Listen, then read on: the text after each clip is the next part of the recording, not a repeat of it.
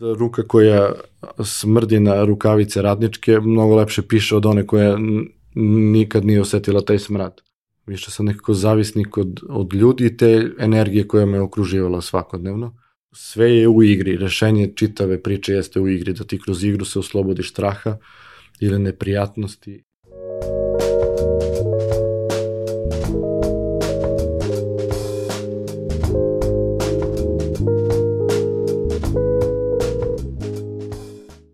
Zdravo i dobrodošli u Fusnotu. Ja sam Aleksandra Petrovski. Ceo svoj profesionalni život bavim se postavljanjem pitanja.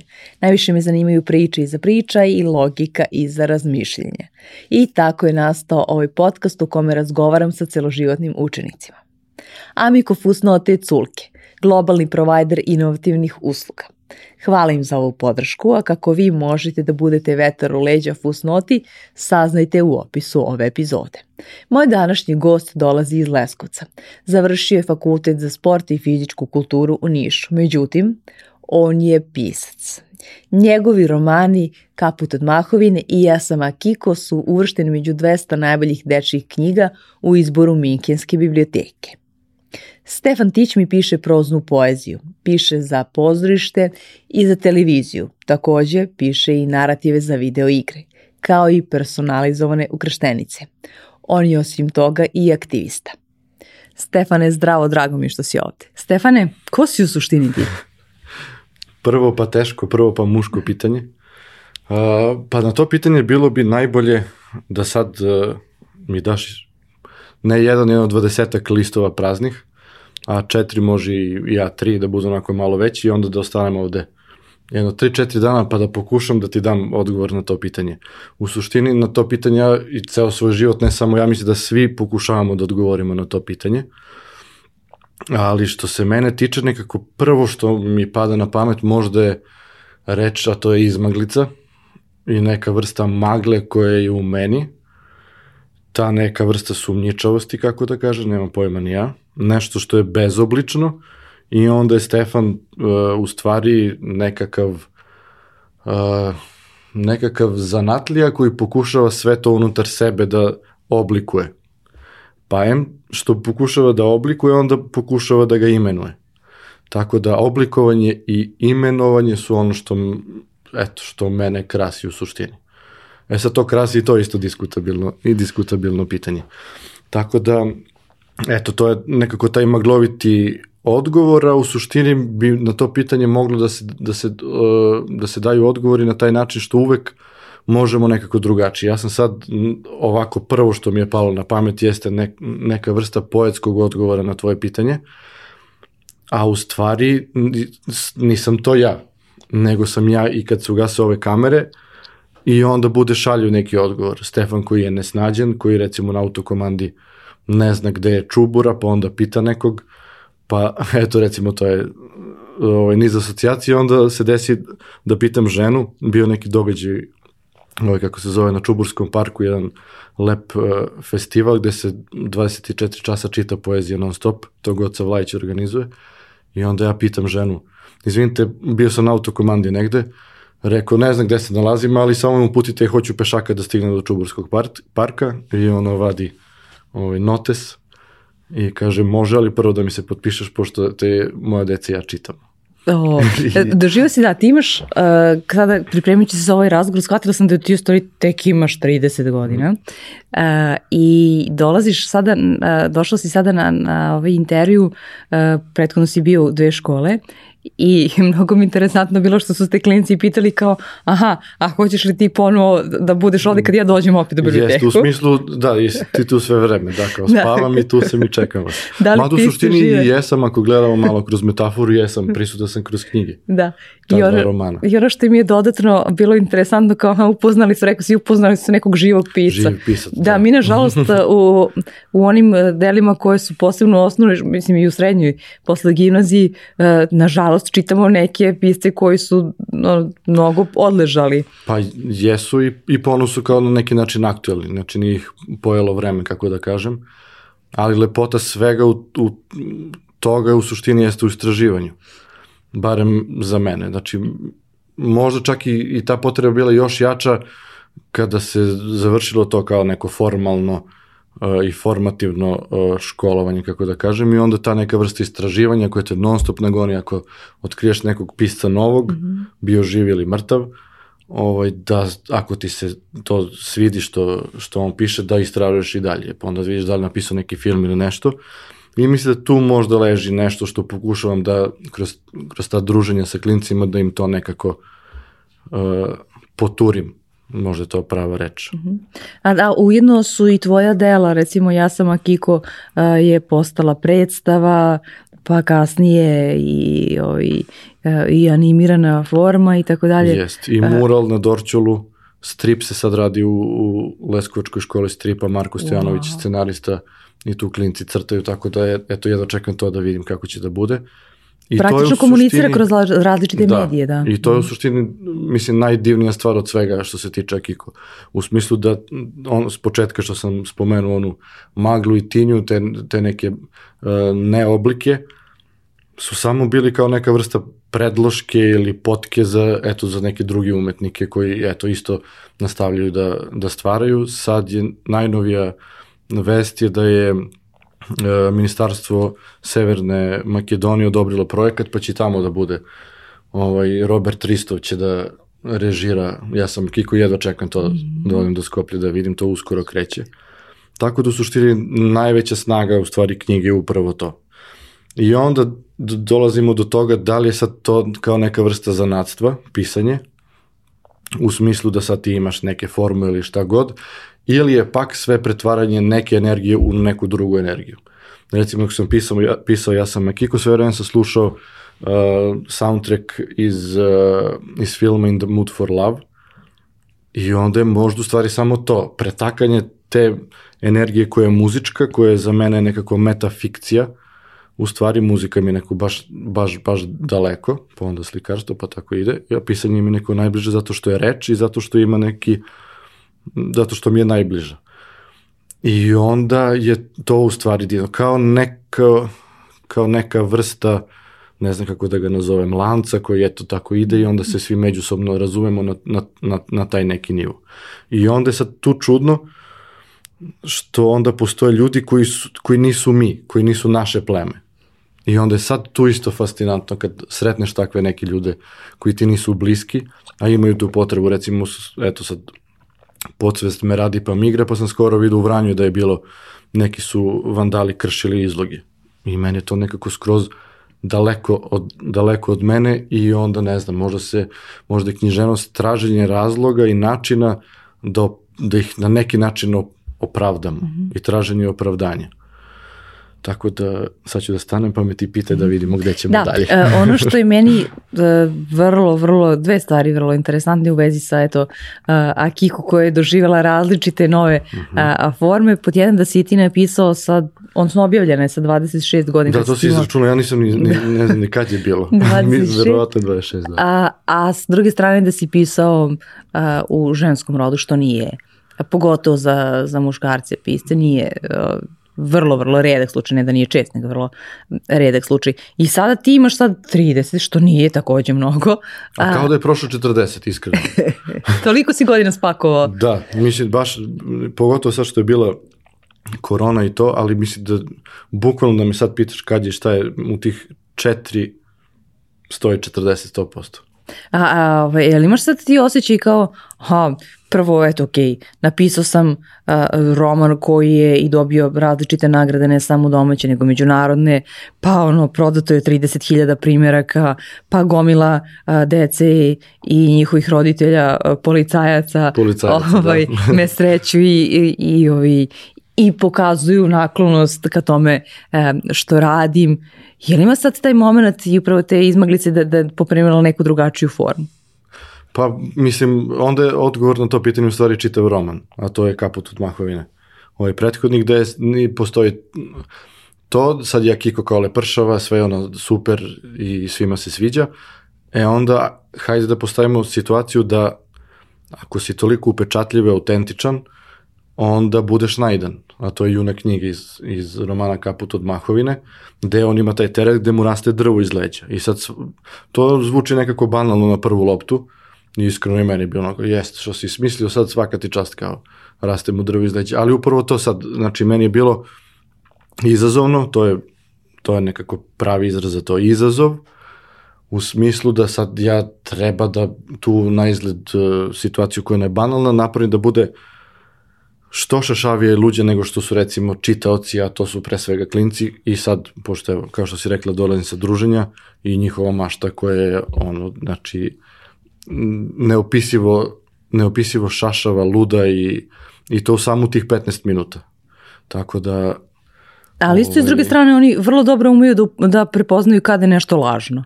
Je, evo, kada pokušao da im da, se podvali. Da. To, to je super, super si mi usmerila sad u smislu da to je u stvari i glavni ključ svega toga. Znači, kad ti pišeš da recimo um, nemaš neku predstavu o tome da sad pišeš nekako da bi se dokazao nekom ili, ili, ili nešto, nego da to što ti pišeš, to stvarno preneseš taj osjećaj na papir i ja tačno kad pišem, tačno znam kad je nešto, kad osjećam da je to to i kad nije, kad izlazi nekako na nek, neki veštački mm -hmm. način. I onda upravo to se vraćamo na, na neki odgovor koji sam dao prethodni, to je ta neka vrsta energije koju ti daješ. I mislim da je za sve vrste umetnosti u suštini, ne samo za pisanje, nego za i slikarstvo i, i sve ostali, koliko ih već ima puno, upravo to, da ti nekom veruješ. E, ti si uh, ovaj, napisao uh, uh, u jednom svom delu da si počeo da, da pišeš kada si bio neki drugi, treći razred osnovne uh mhm. -huh. škole kad si pisao ljubavno pisma. Pa, da, vrlo zanimljiv početak, to je isto, dobro. isto pitanje kao prvo, ko, ko si ti u stvari? A ovo je isto... Ti si stvari osoba koja si, piše ljubavna pisma. Ne, zašto si počeo da pišeš? To isto uvek, sad će biti jedan odgovor, a onda ne znam, za, da sam u ovom podcastu za neđena bio bi drugi, pa bi, pa bi bilo uvek otkrivaš te, na, i to je u stvari fascinantno za sve u životu. A to misli da ne radi samo književnost, nego to i psihoterapija u suštini. To kopanje po podsvesti i razlozima zbog kojih smo mi sada ov, ovi ovakvi u ovom trenutku. Da su vjerojatno neki, da je bilo neko drugačije detinstvo koje nas realno oblikuje s početka, onda, e, i sad je tu neko umršeno i onda to pokušavanje da se u stvari razmrsi je, je fenomenalno. A mislim da inteligencija, upravo leži u tome, u tom nekom ključu da sad te promene koje se dešavaju, da, da se mi neko prilagodimo na njih. I onda je to zeznuto zato što smo mi ljudi takvi da volimo sigurnost i ovako stolica koja, koja nema, koja se ne okreće oko sebe, nego je to stabilno i Stefan tu stoji, ne vrti se i ne vrpolji, što bi rekla moja baba. I onda tu sad leži ta nek, neki nespokoj koji vlada između, između sebe i sebe, između čoveka samog. Ta težnja da je uvek sigurno i, i mirno i ta težnja, eto da, da se nešto dešava da se, da se dešava, to jest promene se neminovno dešavaju mimo nas. E sad kako mi uskačemo u taj kalup, e to je sad pitanje. I to je nekako više filozo, filo, za filozofsko razmatranje i sad ja kao zvučim kao neki opasan filozof, ali eto. E, otkud ti, Stefane, bacit ću se na jednu potpuno desetu temu, ali, ovaj, e, otkud da je Stefan završio fakultet sporta i fizičke kulture? Pa ja sam od uvek trenirao. Mislim, si od uvek, ili si prvo bio pisac ili si prvo bio sportista? Prvo sport. Sport mi je na moja najveća ljubav. Znači to ja mislim od, od prve godine života u suštini. Ima taj, ta neka, pošto sestra moja studira psihologiju, ima taj izraz koji se zove prelazni objekat i sad kada otvorimo naš porodični fotoalbum i kad vidimo, sestra drži ćebence svoje, a ja pod mišku držim loptu, tako da sam ja odmah prigralio tu loptu. Prvo je bila futbalska, a onda sam za jedan raspust ovako išđigljao, što se kaže, na brzinu i onda sam nekako mi je bilo logično da pređem da treniram basket i nekako od uvek sam uh,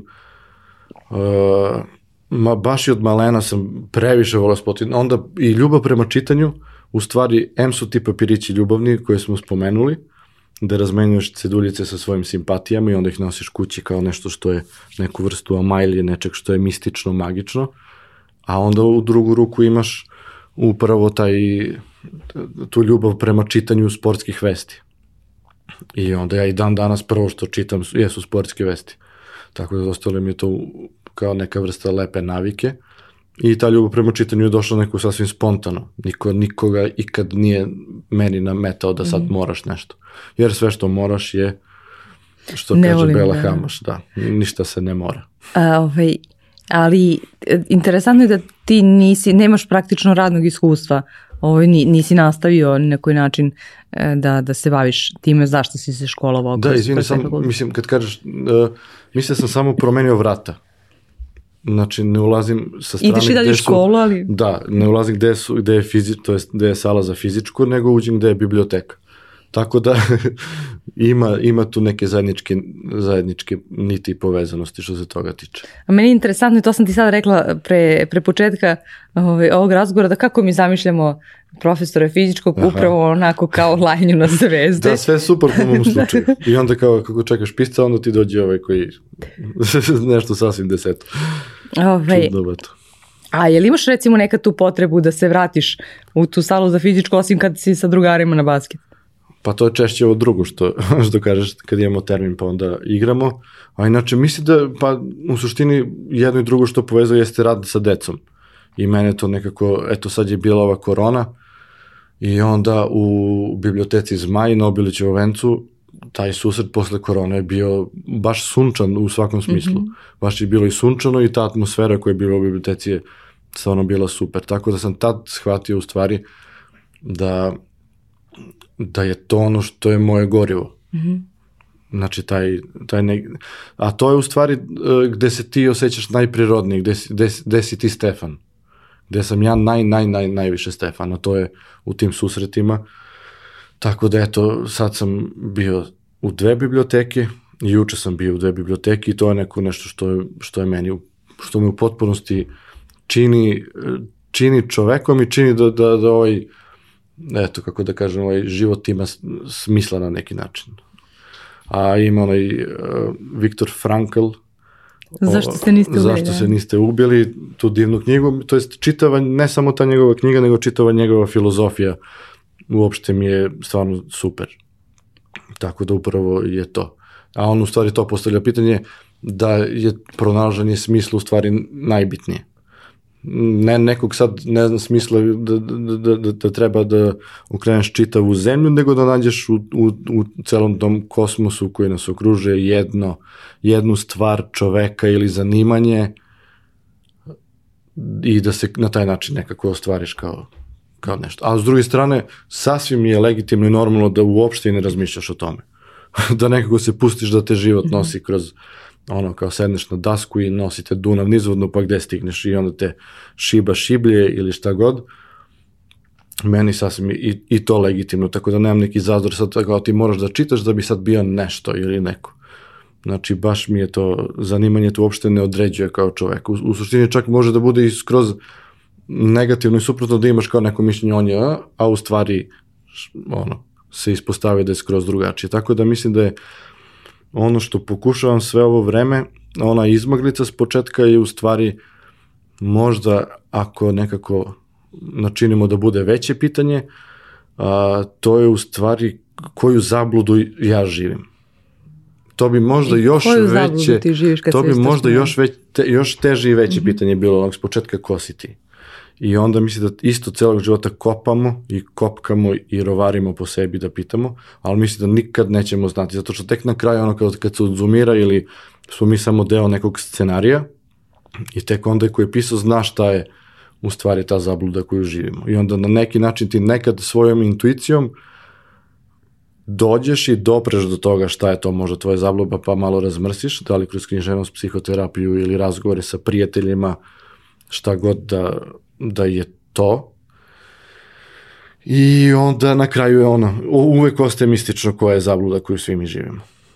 E, ovaj, a jel ti imaš utisak tako da, da povremeno živiš neku zabludu, ako tako zovemo je? Ili... Ne, uvek imam tu. Mm -hmm. Uvek imam tu, to, to je neka vrsta te gobe.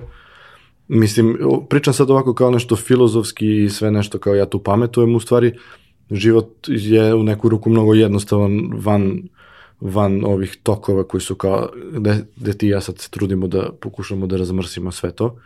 u stvari život i ume da bude lep i mnogo jednostavan, a ovo su neka, kao neka, ja to zamišljam kao neku vrstu oblačića koju svi imamo, da smo uh, sad uh, ti ja učesnici nekog stripa i onda ovde imamo onaj oblačić u koju upisujemo non stop svoje opažanje o svetu. Mm -hmm. I onda tako ideš kroz život, ideš, srljaš, ideš, scrolluješ i nabodeš se na zabludu. e, reci mi, kako je došlo do toga da, da ti budeš uh, pisac? Jer ono kao, kako zamišljamo glavnu ovaj pisac? Uh mhm. -huh. Pričali smo malo pre kako zamišljamo nastavnike i profesora fizičkog, a isto mhm. tako zamišljamo pisce kao neko ko sedi u nekoj ogromnoj prostoriji. Da, mistifika, sa, mistifikacija pisca. Sa da. milion knjiga i da je pobeđivo na svim literarnim konkursima pre toga istina, da. i da imao sve petice iz srpskog i da... I to nije istina. Znači sve da. nije istina. to što kažu nije istina. To što kažu nije istina. Pa jeste, to je neka vrsta mistifikacije, realno. Kao za sve. U stvari ti samo presta, prestane, počne i pređe ti u rutinu taj način razmišljanja. Kao sad recimo što je da sve zapišeš da, i onda neko samo vremenom se tvoj mozak istrenira i ima to neki stručni naziv vjerojatno za to mišljenje koje je gde sad ti kao povezuješ dve situacije koje su najizgledne, totalno ne možeš da ih povežeš. Recimo kao što Kiko u knjizi objašnjava da je ljubav e, kao klim u tatinim kolima. I sad kao, kakve sad to veze ima? I onda ima to objašnjenje u knjizi kako dođe do toga i onda to je u suštini to je meni najintrigantnije što se tiče pisanja. Kako da te stvari koje su u potpunosti daleke, nekako skrivene, ti možeš da ih povežeš, a to je možda neka vrsta i zanata u, zanata u književnosti, da sad imaš različite tekstove, zapise i da je onda kao neki šnajder kriješ taj, taj vez gde je taj štof povezan i šta je bilo pitanje sad u stvari o pisanju, jel da? Pa da, zapravo kako, si, kako, kako si ti postao po, pisac, da. Da, i onda da, to je čitav taj sistem gde ti samo uđeš u, u tu priču i primećaš stvari i zapisuješ i onda nekako posle samo dobije tu neku, neku celinu. Uh, mnogo je lep uh, posle jedne knjige pogovor George Perek i onda on tu uh, objašnjava to da, da svaka stvar u stvari nosi ne, nemost u sebi i onda me je to u stvari bio odgovor na, na, na sva ta pitanja. Da u stvari nekako kad se sad vraćam u detinstvo, nekako uh, ako je to uh, fikcio biografija, onda ja zamišljam Stefana kao neko ko je uh, žive u sobi sa lutkama koje ono, ne progovaraju, nemaju usta. Mm -hmm. I onda sad sve što radim u suštini je uh, pokušaj da im ja, pošto sve vreme u stvari ja šta radim, ja dajem naraciju, dajem glas junacima. I onda sad kao da sam to, kao šta bi bilo kad bi bilo, kao da sam živeo u nekoj sobi s lutkama i onda im non stop i konstantno pričao neke priče, to jest pokušavao da ih oživim na neki čaroban način. Eto, to, to je kao neka lepa slika. A uh, koliko, koliko zaista, ovaj, uh, je li imamo onaj moment da kao, što smo stari, to naša mašta postaje sve uh, mm -hmm. siromašnija, tako da kažem, E, konkretan odgovor na to pitanje se, i, se desio praktično u biblioteci kad je bilo juče i gde uh, koristim te Dixit kartice, koje su ono trosmislene i mnogo su divne, onako i, i le, lepu poetiku nose. I onda su prisustvovali sad i roditelji, znači bili su prisutni i klinci, ali i roditelji. To su deca od trećeg do petog razreda, da, uglavnom. Bila da, kombinacija peti i treći razred, mm -hmm. ja mislim. I sad šta se desi, klinci počnu da čitaju i onda roditelji oduševljeni kako su oni napisali to za, za, za nepunih 15 minuta. U stvari roditelji kažu ne, ja, mi nećemo da čitamo. Jer se stide, vjerojatno su ubijeni. Sad, Joškin Šiljan, on je umetnik iz, iz Grdelice i on je kao nek, neka vrsta uh, moje, da kažem, inspiracije i on mi približio slikarstvo i to. On recimo ovaj, kako se zove, sad sad mi odlutali, mislim za što sam to spomenuo. Pitala sam te zbog mašte. Zbog mašte, da. Mašte i on je, sećam se u jednom kad smo se upoznali, on je držao to neko predavanje u, u knjižari gde sam radio i spomenuo je za, za prste, gde recimo kad se baviš slikarstvom, ti u stvari slikanjem i držanjem četkice ti čuvaš sve te nerve koji su tu i nervne završetke. I onda onaj koji slika, on slikajući sačuvate završetke s kojim ti se rađaš sa brdo tih da ne lupam sad da ne budem ovaj, koliko ih ima, a onda vremenom se izgube mm -hmm. ti nervni završetci ako se ne baviš likarstvom. Tako da isto, što se tiče mašte i pitanja za maštu, verovatno i to, ako je ne podstičemo, onda verovatno i na neki način trune, to je isto kao kad voda koja ne teče, znači postaje močvara. I onda u stvari to cilje. Sad ponovo tu postoje razlozi zbog čega mi ne, ne čuvamo svoja, svoje nervne završetke i svoje nerve, ovaj, jer živimo u takvom svetu gde ti ne možeš da se fokusiraš da sad ću da ajde da, da budem maštovit, nego te čekaju i računi i svašta nešto te čeka da završiš, da ta gladna usta svoje dece nahraniš i onda isto to i plus čitav sistem koji funkcioniše na, na, u hiljadu i jednoj brzini, gde ono, kako se uklopiti u sve to i onda pritom da budeš maštovit. Ja sam ostao zbog toga zato što mi je nekako to moje, moj poziv i moje zanimanje i moj dar. Ali sad očekamo sve ljude da budu, od svih ljudi u stvari se kaže, da, da budu maštoviti svakodnevno, to je baš je težak, kako se kaže to, težak zadatak. Ti dosta predrasuda rušiš. Ja se sećam, e, kada sam ja davnih dana išla u osnovnu školu, bilo je takmičenje e, iz srpskog jezika i sada naša nastavnica je kao primer dobre prakse e, spomenula svoju koleginicu iz Leskovca kao pošto je bilo začuđujuće da je e, ne, đak iz Leskovca pobedi na republičkom takmičenju srpskog jezika i ona je rekla mi si koleginice naučimo pravila. Ovaj, tako da, ali šta hoću, da, šta hoću ovim da kažem, da, da ti naprosto sve različite predrasude kao ha, neko ko je mlad, ko potiče iz uh, E, ne toliko afirmativne sredine kako mm -hmm. je Leskovac, e, bude pisac, vrlo uspešan i prihvaćen ovaj, među klincima, ne da samo on uspešno u svojoj glavi, nego a, e, zaista dolazi, pa još da sve ovo što smo pričali, kako Stefane? Mislim, svaka čast i kako? Pa to je, odgovor na pitanje je uh, su, u, ići u susret neprijatnostima, non stop. Znači ja sad da, da, da se vratim na, u Rikvert 10 godina i da me zoveš u podcast, ja siguran sam da bi odgovor bio ne. I to veliko ne. A onda verovatno vremenom se učiš i, i to mislim da je u susret, ići u susret neprijatnostima, ići u susret strahovima, u stvari tu je jedini mogući moguće, mogući potencijal za rast, da čovek i deca mogu, mogu da rastu. Ako nam je sve nekako, sad smo tu uljuljkani, i to Erland Lu, ovaj, pisac iz Norveške, sećam se da ima neki intervju baš na to kao.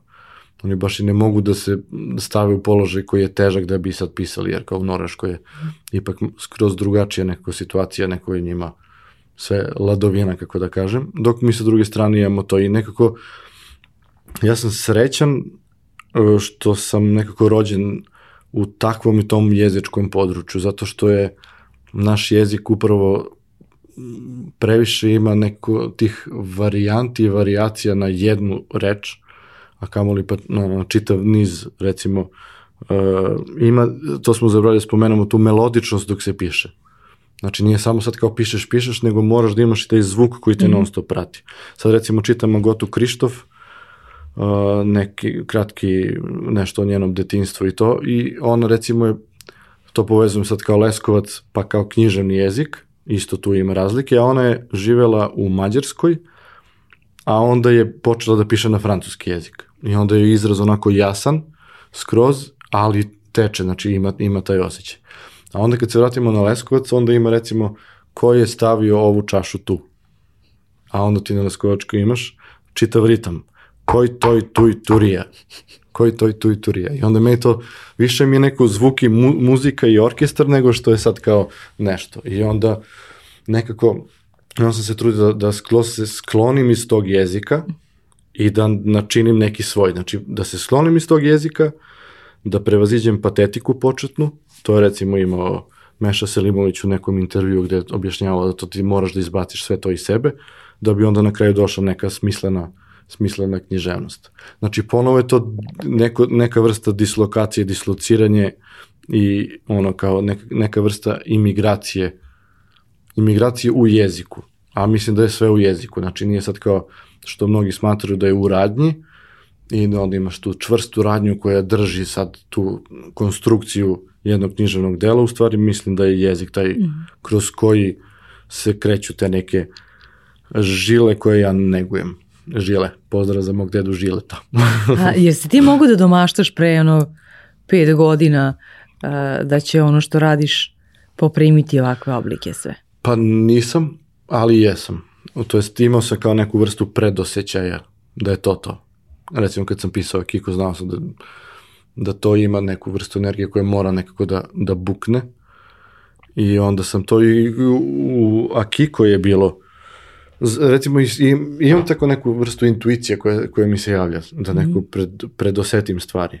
A kako drugim onda kažeš, ej, ja sam napisao baš ono roman koji kida. A nemam ja, pa nis, nisam imao taj, taj neki osjećaj kao da, da sam napisao roman koji nego jednostavno da je to nešto što je napisao, im, ima tu tu notu koja verujem da bi bila bliska ljudima. Mm -hmm. Da to neko mora da dopre, dopre do ljudi. Pa sam onda sanjao bio, ono kad je, kad je bio politikin zabavnik, to je nagrada politikin zabavnik, bukvalno sam sanjao i onda sam ušao na, na telefon i video da sam, još mi niko nije ni javio, da mm -hmm. sam ovaj, ušao u izbor za, za politikin zabavnik. Tako da ta tema, e, to jest e, sinhroniciteti i slučajnosti su kod mene, ono, bukvalno imam čitav spisak sinhroniciteta koji se tako jave da, da se, ono, i onda me i to isto zanima. I zanima me dosta, recimo, taj povratak u prošlost, neka vrsta post-memorije i raskrinkavanja naših sećanja ili onoga što nam se desilo, koliko je to ponovo istinito ili koliko su to naše zablude.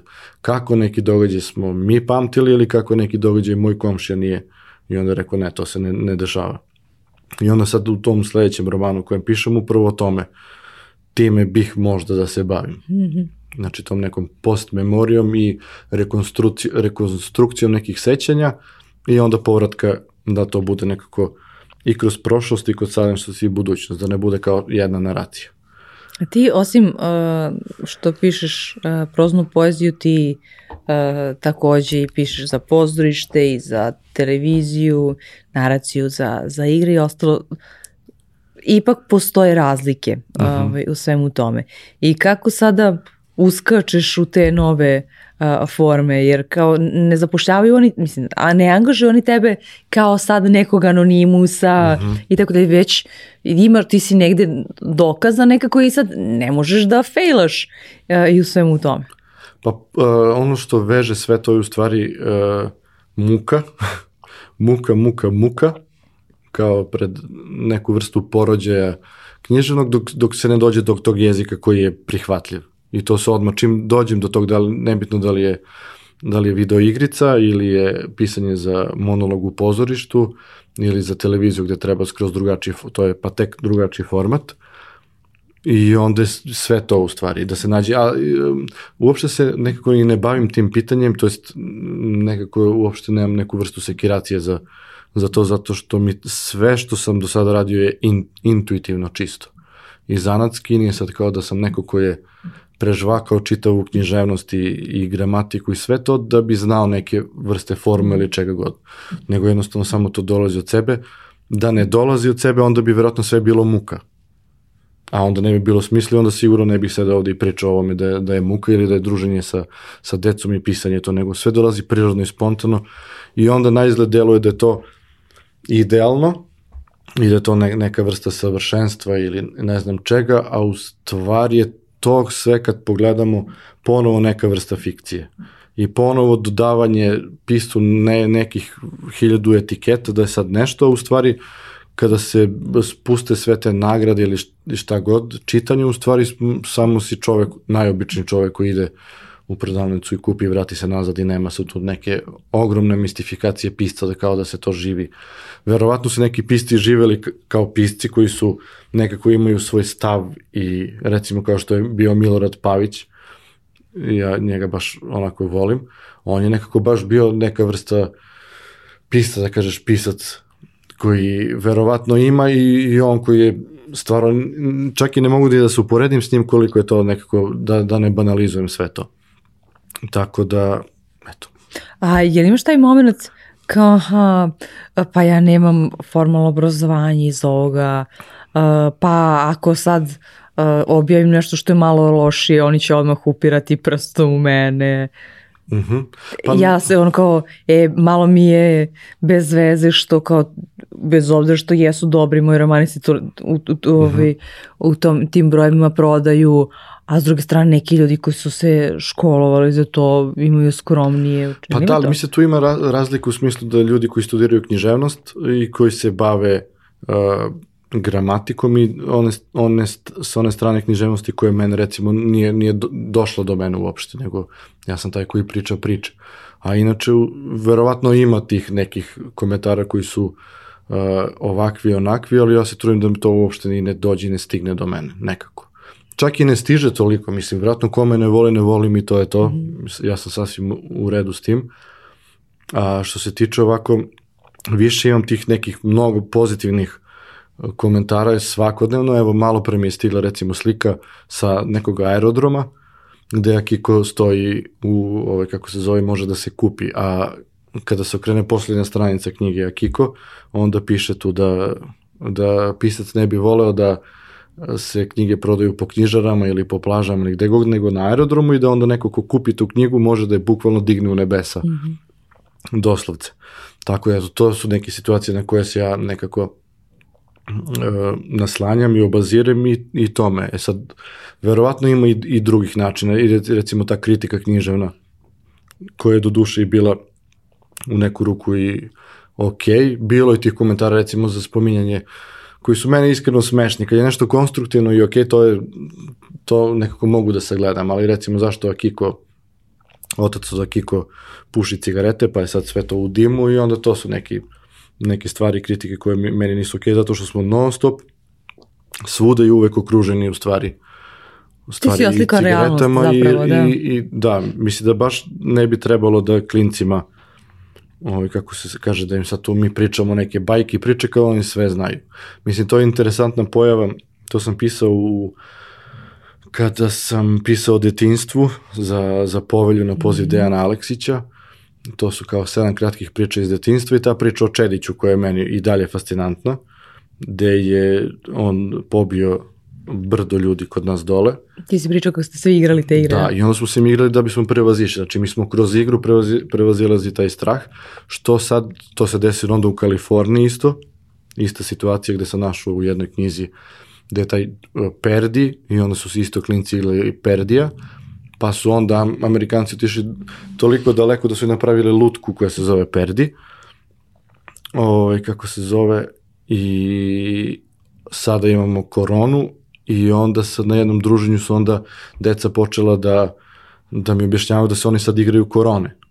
I onda na taj način, kao što smo mi prevazilazili, ili recimo kad je bio rat 1999 gde smo se isto igrali da bi prevazišli, smo se rata, tako oni su sad igrali, igrali koronu i onda su mi pričali, ne znam, sad ne mogu da se tačno setim, ali nešto sa flašicama, pa verovatno su ih flašice asocirale na ono infuzije, pa onda se verovatno igraju doktora i, i onom ko je bolestan, Tako da šta, onda smo došli do tog zaključka šta, znači da sve je nekako, sve je u igri, rešenje čitave priče jeste u igri, da ti kroz igru se oslobodiš straha ili neprijatnosti ili, ili čega god.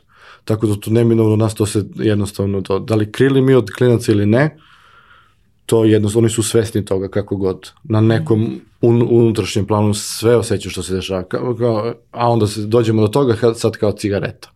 Mislim, tu je. Da. E, ali, ali opet ti, ti jesi priznavani od strane stručnjaka, stručne mm -hmm. javnosti, hajde tako da kažemo, dobio si nagrade renomirane e, za, za svoje dosadašnje romane.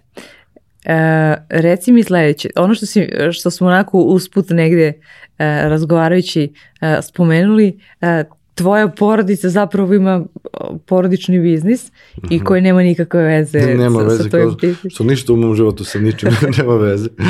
Vi ste čumurđije, da, tako? Bavimo se proizvodnjom čumura i to već 30, 30 godina.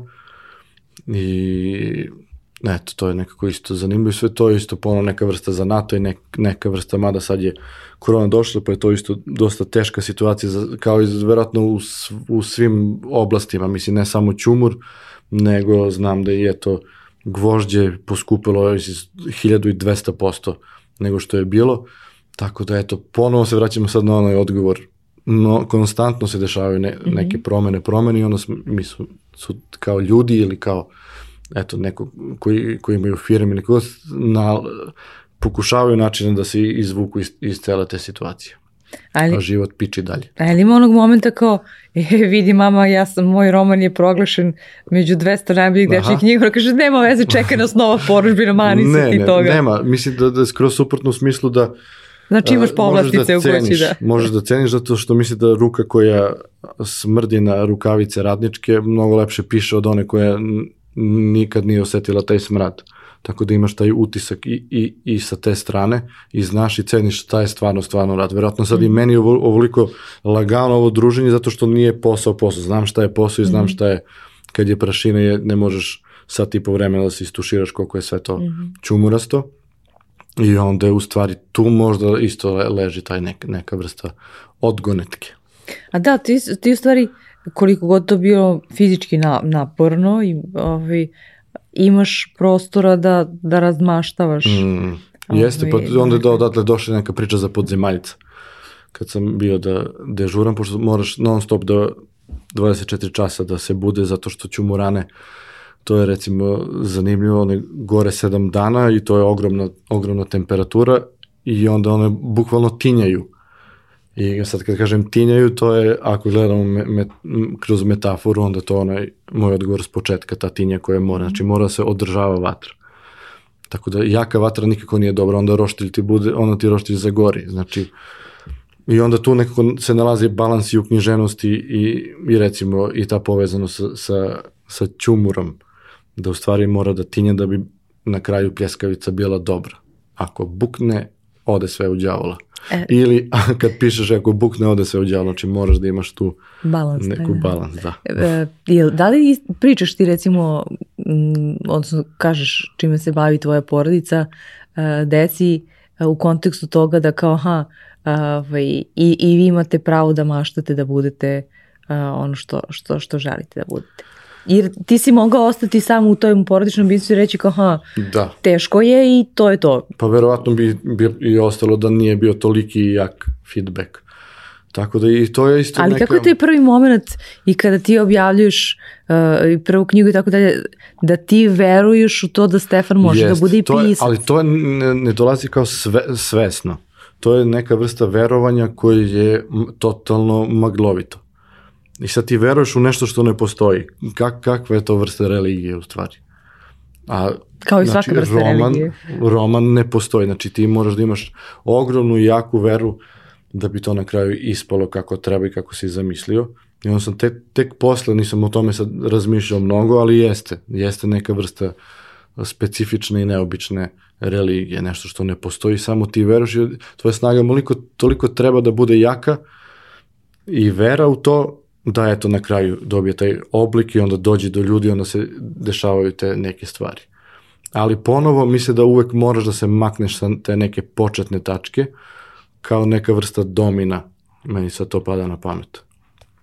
I onda domina dominu da bi došao do nekog domino efekta. Kako se izgledao toga taj prvi trenutak kada si stvarno video odštampan? Je to, je to onako bilo pomerajuće malo iskustvo?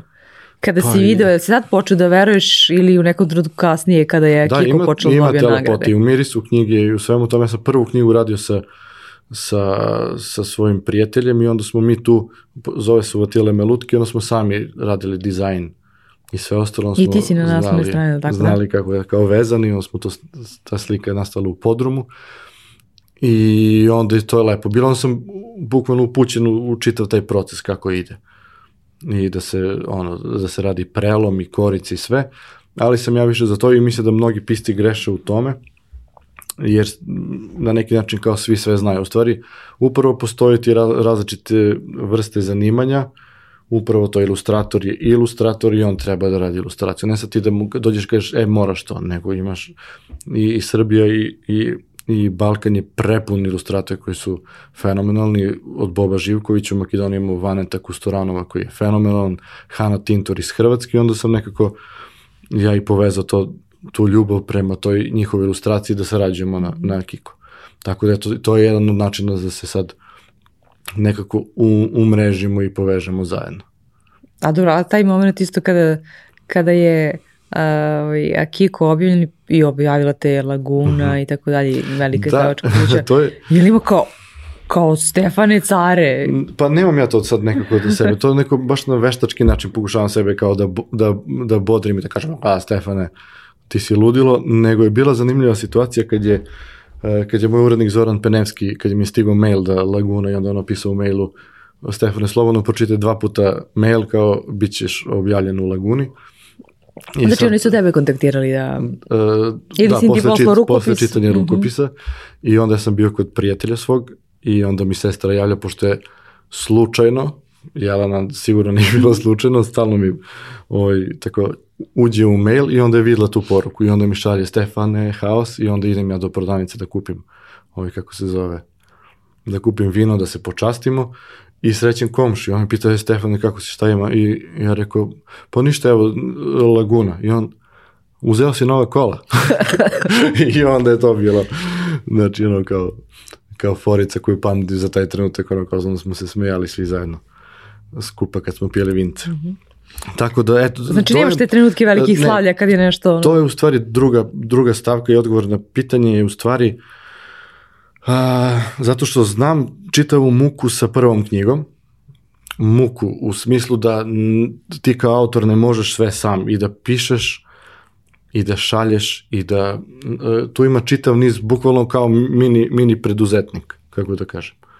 Hiljadu stvari gde ti kao jedan, jedna osoba to ne možeš da postigneš. I onda... A pritom to u tom trenutku nije to i primarni posao. Da, sa ozbiljnom, i onda sa ozbiljnom izdavačkom kućom prvo to dolazi, neka vrsta olakšanja, jer je sve profesionalno i onda nemaš tu neku vrstu tereta koju sam recimo imao sa ovim, mm -hmm. kako se zove, sa prvom knjigom, a recimo divna stvar je, to sad da iskoristim priliku da se zahvalim uh, Kolarčovoj zadužbini i to je koliko sam ja godina tada imao, 20 i nešto možda kad je bila ta prva knjiga. I taj performans na znakovnom jeziku, gde u mnogim kulturnim centrima i dole kod nas ja nisam nekako dobio priliku jer kao ponovo koliko god se ja postavljao profesionalno u smislu da sve što radim radim kako treba i što je da autora najbolje moguće i najkreativnije ponovo je bilo zazora ono kao ipak si ti mlad autor šta god. A onda je Kolarčeva zadužbina kad niko nije rekao Stefane, mi smo počitali uh, pesme koje si nam poslao, pre svega oduševljeni smo uh, pesmama, a onda i čitavim performansom, kao bilo bi nam zadovoljstvo da ti dođeš i nastupaš. I to je bio fenomenalni prelep događaj. Bili su i, i glumci i, i, i muzičari, to je stvarno pre, prelepo bilo. Tako da eto, Da, tvoja, ovaj, poezija, tvoja poezija je prenesena na znakovni jezik, što da, sve, pre, sve zna. I prelegođena, znači onda smo mm posle svakog nastupa u stvari, ovaj, kako se zove, ja pošaljem spisak pesama iz zbirke koju radimo, Znači, nije to, piše prvi prevod na znakovi, nije prvi, ljudi su prevodili pre mene, nego smo nekako čitavu zbirku iz nastupu u nastup uspeli da prilagodimo osobama sa oštećenim sluhom. I onda je bilo to zanimljivo kad smo išli u udruženje gluvih i nagluvih u Nišu, I onda smo uneli svadbarsko ozvučenje, zato što je bilo i za čujuće i, i za njih iz udruženja i onda je to bilo mnogo smešno, su super prihvatili ovu čitavu situaciju i onda je bilo kao da ne čujem. Da, da, kao ne Poljača i onda su baš lepo prihvatili da to je stvarno jedan divan, divan de, ono, mm -hmm. zato što smo s tim performansom neko bliži si i blizak si ljudima kojima poezija nije tako bliska. I onda kroz znakovni jezik ovaj, kako se zove, ti si nekako, to je kao neka vrsta poluglume gde ti ljudima je nekako privlačno, a i meni je odgovarala ti situacija zato što sam bio u drugom planu. -hmm. e, e, to nije tvoj, ja, ovo možemo da nazovemo i pomalo društvenom angažovanošću i to nije jedini e, tvoj poduhvat takve vrste. E, iako si ti skroman pa nećeš baš mnogo sada u ovom trenutku da pričaš o tome, ali uh, ja bih volala da spomenem ono što si ti uradio, između ostalog jedan od ljudi koji si uradio u naselju ovaj, mhm. tvom, uh, Ančiki. Uh, ja sam dobro naglasila? Ančiki, Ančiki. Ančiki, izvini. ovaj, ne, nisam bila dugo ovaj, u tom mm. kraju, pa, pa sam malo i zaboravila akcente. Uh, elem, uh, napravili ste praktično između ostalog besplatnu biblioteku koja je imala otprilike nekih 5000 knjiga. I ti sada spominješ uh, sve što smo ovo do sada pričali, uh, ne mnogo i postisane sredine i ko, kompleksan posao koji ima ovaj, tvoja porodica i tako dalje i tako dalje. I otkud sad ta, ta želja da, da na ovaj način pokreneš stvari? Pa to stvari? je isto kao i sve ovo što sam pričao, sve neko došlo spontano. U smislu da smo se svi, da smo svi iz ekipe u stvari bavili nekom vrstom kreativnog rada i stvaralaštva. Prijatelji su vodili radio emisiju provera mikrofona, tu su, ono, onda smo imali čitavu kolekciju hip-hop muzike odmah s početka, tako da je meni, kad kažem hip-hop, odmah e, ne ovaj trap sadašnji, nego taj boom bap koji postoji, nekako odmah mi je taj povratak u detinstvu i neka vrsta sigurnosti, bio mi je taj ritam i onda sad kad slušam nekako osjećam tu neku vrstu sigurnosti, tako da su prijatelji moja sestra je jedno vreme vodila tu emisiju, onda prijatelj koji snima spotove i bavi se dizajnom plakata i čega god. Uh, I sad skupina svih tih ljudi koji tako eto i nemaju gde, onda smo, imamo jedne cevke smo imali ranije, ovaj, za kanalizaciju koje su tako bilo urasli, onda to bio naš, naš kutak gde smo sedeli stalno, ono kao kupiš semenke i grickaš, I onda je bilo, ajde sad da, da, da nešto, pošto smo svi tu, da pokrenemo neku akciju. I onda smo radili ovaj, Danijan Čikija, što je sve suprotno bilo. To u stvari bio začetak čitave te akcije. Nekako iz, iz Sprdnje smo radili, ovaj, kako se zove, 300 Spartanaca, onaj film. I onda smo uzeli ovaj, prevod i onda ga napravili skroz da bude na naški, mm -hmm. vezano za naše naselje. I onda smo napravili taj događaj na, ovaj, kako na otvorenom je bio bioskop gde smo prikazivali taj smešni film. Vi ste ga celog snimali? Pa nismo mogli ceo, nego je to prvih da 20 minuta. Neko vi u celosti sve što ste radili je da, bila da, da. vaša produkcija. I onda ti Danija Čiki koji ne traju uopšte, nego samo traju noću i to je znači skroz besmislen, besmislen naziv bio. I onda se to ljudima iz naselja dopalo I onda smo mi, ja mislim, svake godine išao taj film gde, smo, gde se svi smejemo, kupimo pivo, gledamo i, i grickamo semenke i, i pržim, pržimo ovaj kukuruz. A kako ti vi animirati te ljude? Danas je najteže to uraditi zapravo. Pa da, ali naše naselje je stvarno fenomenalno. Tu je stvarno izvor inspiracija. Neko, sad je nekako malo čudnovato, nekad, nekad smo možda malo više bliži bili, ili sad možda smo malo podrasli, pa i tako. Inače, puno je inspirativnih i zanimljivih ljudi. Onda je mnogo lako da se sve neko svi međusobno povežemo. I kažem, to je počelo tim kao Danijan Čiki i onda smo osnovali taj omladinski klub i tu je nekako samo se otvorile situacije, kao ono što sam rekao, domino efekt, jedno, jedno se pokrenulo, onda je došlo sve za sobom. Onda smo oformili tu biblioteku, sami smo je e, betonirali, ljudi su videli taj naš aktivizam i angažovanost koja je došla iz, iz čistog entuzijazma i onda su donirali razne ovaj, kako se zove, te neko donira prozor, te vrata, pa onda smo sami pravili šank, uh, onda nakon toga police i nekako smo uredili taj prostor gde smo posle nabavili te knjige, pisali smo dopise svim bibliotekama i onda su nam slali i, i knjige i časopise i onda je bio taj kutek koji je stvarno onako, bukvalno mali prostor, četiri prostorije, ali do detalja napravljen. Mm -hmm. Znači, Prag je, onda imaš tu Češku nacrtanu, pa je to Prag, pa onda sledeći Prag je Prag tolerancije i onda to je. Znači, čitav prostor smo neko oplemenili, onda se to osjećalo kad neko uđe. I to nam je bilo super, recimo, kad su bile poplave, onaj period kad je baš bilo, bila, bila katastrofa i onda možeš lagano da reaguješ. Znači, ajmo sad svi tu skupljamo odeću i pomoć ili bile su i, i davanja krvi, dobrovoljnog davanja krvi, ovaj, kako se zove, pa onda tu u dvorištu, pošto je mnogo lepo dvorište, imali smo i te projekcije i ovog filma, ali i drugih filmova. I onda su pošto prvo je B92 objavili su vest za, za taj naš aktivizam i onda su i ostali mediji javili, onda su u suštini ljudi bili obavešteni čime se mi bavimo i onda je bilo zanimljivo pa su onda razne goste pošto je Okan, omladinski klub Ančiki, onda su svi ti razgovori bili razgovor u četiri Okan. I, a prvi projekat nam se zvao Naselje, Naselje u porodici. I onda smo imali te, te, te majice. Tako da kad se vratimo nazad, to je stvar jedan od najlepših ono, perioda mog, mog života i ta, da kažem, društvena angažovanost i mogućnost da je to kako. Znači, ne samo da sediš i da pričaš i da se žališ i da kukaš, mm -hmm nego da imaš konkretno i misle da to splet, e, splet i naših sudbina i, i događaja i ljudi koji sad verujem da ne može sad svuda da, da posadiš kao biljku i da nikne, da odeš u neki razrušeni kulturni centar ili dom omladine šta god i da postaviš da to nikne. Nešto slično u Beogradu je, mislim da je Kvaka 22, da je, da je, da je sličan, sličan projekat koji, eto, hvala Bogu dan danas funkcioniše. Mi smo izdržali, mislim, nekih pet godina toliko i trajao taj naš ugovor i onda većina nas tada je bila nekako ono uh, besposlena i onda su drugi otišao za, za Ameriku, uh, neko je otišao za Beograd i onda je to nekako samo je splaslo i onda je sad ostao taj kao neka vrsta muzej entuzijazma.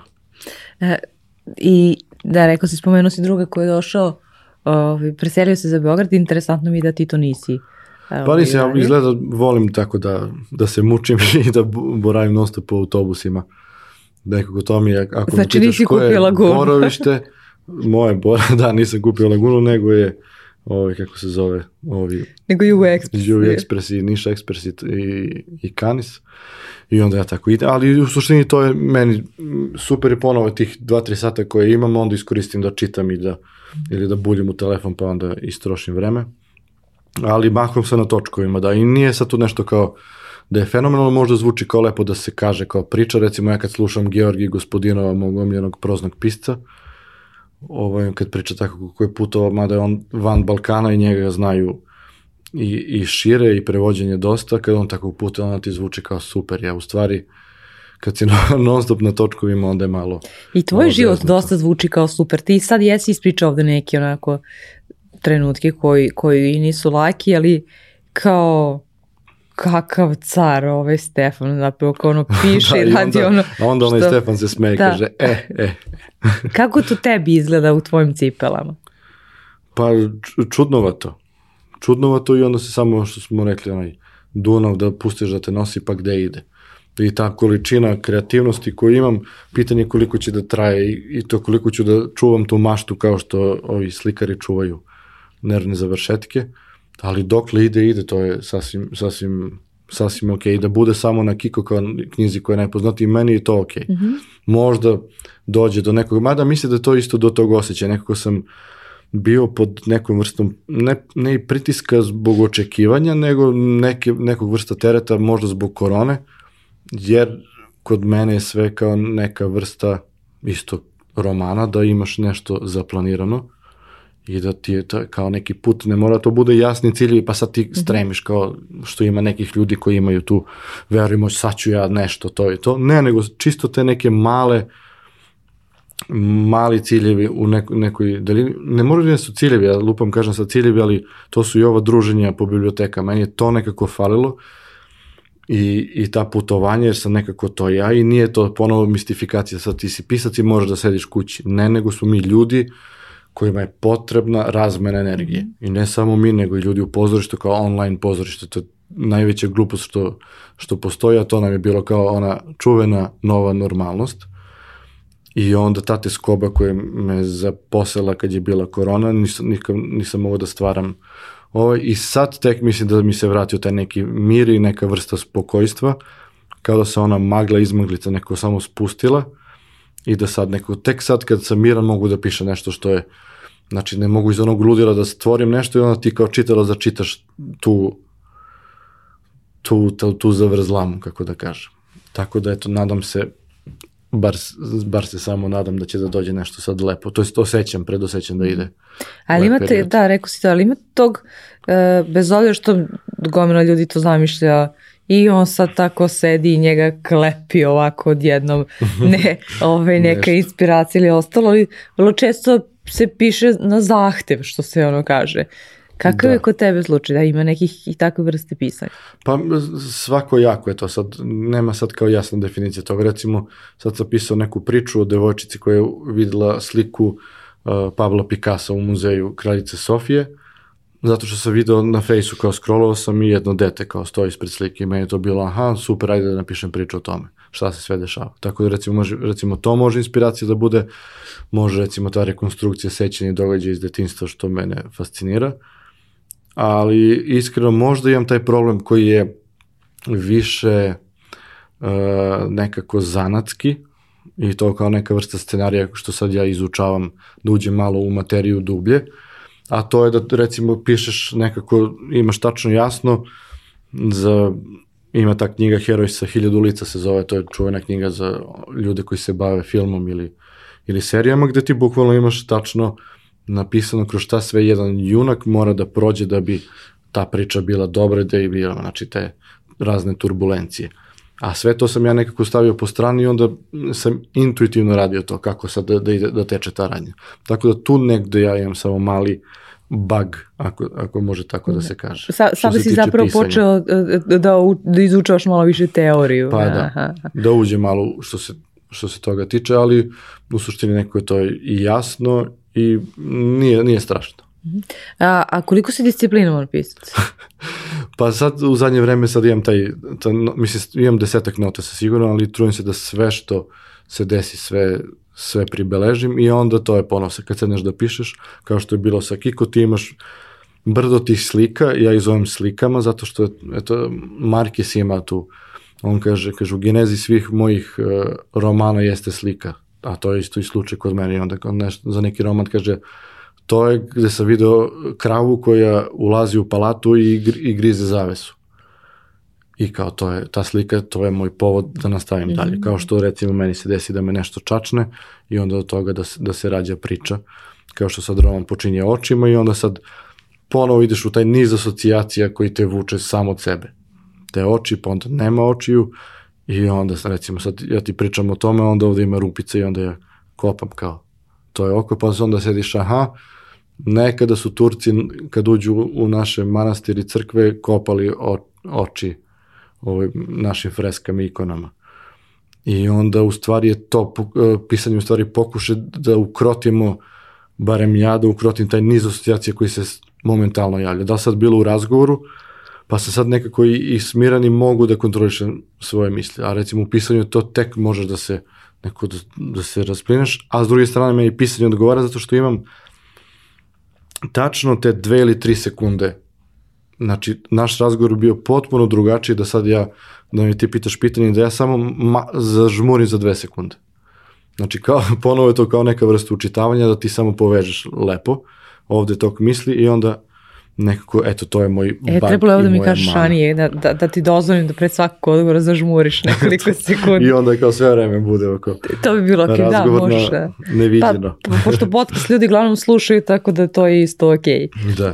Um, I da, ali mi nisi rekao s te strane koliko si ovako disciplinovan, kao aha, ja sad moram da sednem svakog dana ili aha. imam, vre, ono, imam ono, rok do tada da... A nemam to je kao ograničenje, ali recimo kad uh, i za Kiko i za Kaput od Mahovine, tad jesam disciplinovan u potpunosti, u smislu da sednem, kažem sad ću da završim i onda, uh, a, a Kiko sam pisao na potkrulju, a recimo Kaput tu i onda sve, tu mi je hrana, tu spavam, tu jedem, tu, tu sve, nekako kao da imam taj neki strah od napuštanja, da ne smem da napustim rukopis, da ga na neki način ne izdam i onda sad tu sedim i ali to, to je strah od toga da ne ispadneš iz te iz tog flowa koji si ušao, da, da. da priča teče, mada u suštini kod mene se i vidi, jer kad to ide nekako ima svoj tok. Ako se vratim i onda izmenim jednu, dve rečenice, odmah pada čitava konstrukcija. Ne znam, meni je to nekako prirodno i spontano, spontano došlo, tako da što se toga tiče, sad, pa zadnjih možda šest meseci ima, verovatno, trudim se da svaki dan idem u biblioteku ovaj, kod nas i četiri sata izdvajam da ili čitam ili pišem. I onda tako da imam materijala non stop i za, i za naraciju i za sve živo, onda ću posle nekako da, da sve to kombinujem, ali i onda se non stop, ali to je ponovo, moraš da se makneš negde da bi krenule stvari da se dešavaju. Znači to je bila Uvijek tvoja odluka sada kao, aha. Iz zone komfora. Znači, ako sediš, mislim, ponovo može iz toga da se izvlači, da ono kao da imenuješ stvari, kad smo bili u koroni, pa da onda ti sad po ceo dan sedim ispod one trešnje i onda gledam kako cveta i sve ostalo i pijem taj čaj i to je neka vrsta rituala koja je bila spašavala da sad kao aha imam nešto, skuvam čaj, sednem, čitam i onda tako na repeat ideš i preživiš koronu. Ali mislim da nije to to. Baš je ono što smo rekli, susret, u, u susret strahu i neprijatnostima ideš pa šta bude, tako i, i, i sa pisanjem. Uh, imam još jedno pitanje za kraj i sad možeš da, da zažmuriš ok. da sve da. Uh, bez koje te, bez kog znanja uh, ili veštine uh, ili osobine uh, ti danas ne bi bio ovaj Stefan sa kojim ja razgovaram. Mhm. Šta je to onako što te najviše ob- obeležilo ili promenilo? Uticalo na tebe. Pa, mislim da je najviše, evo prvo što mi je napada na pamet, možda okolina. E sad, to nije veština, to su znači ljudi. Više sam nekako zavisnik od, od ljudi i te energije koja me okruživala svakodnevno. Tako da bez tih ljudi uh, sa kojima sam odrastao i porodice ne bih bio što, što sam sada. Tako da to je, to je nek, nekako moj odgovor na to. A što se tiče pisanja i toga, to nemam pojma sad da ti kažem. Mislim da je to. Ako može da bude veština, onda su to ljudi. Prihvata se kao odgovor. E, I to sam odgovorio bez žmurje da se tamo podvuče i bolduje.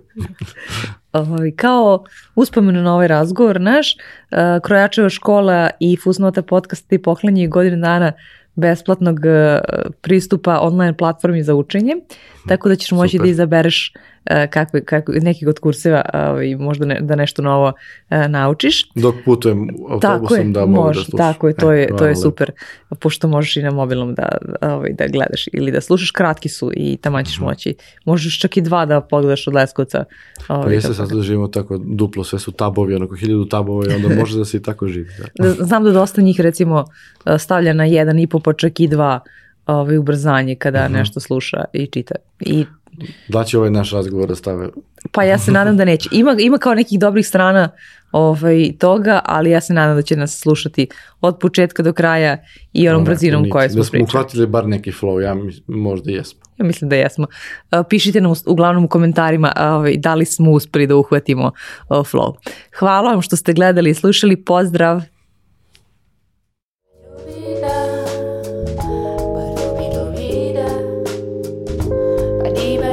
that.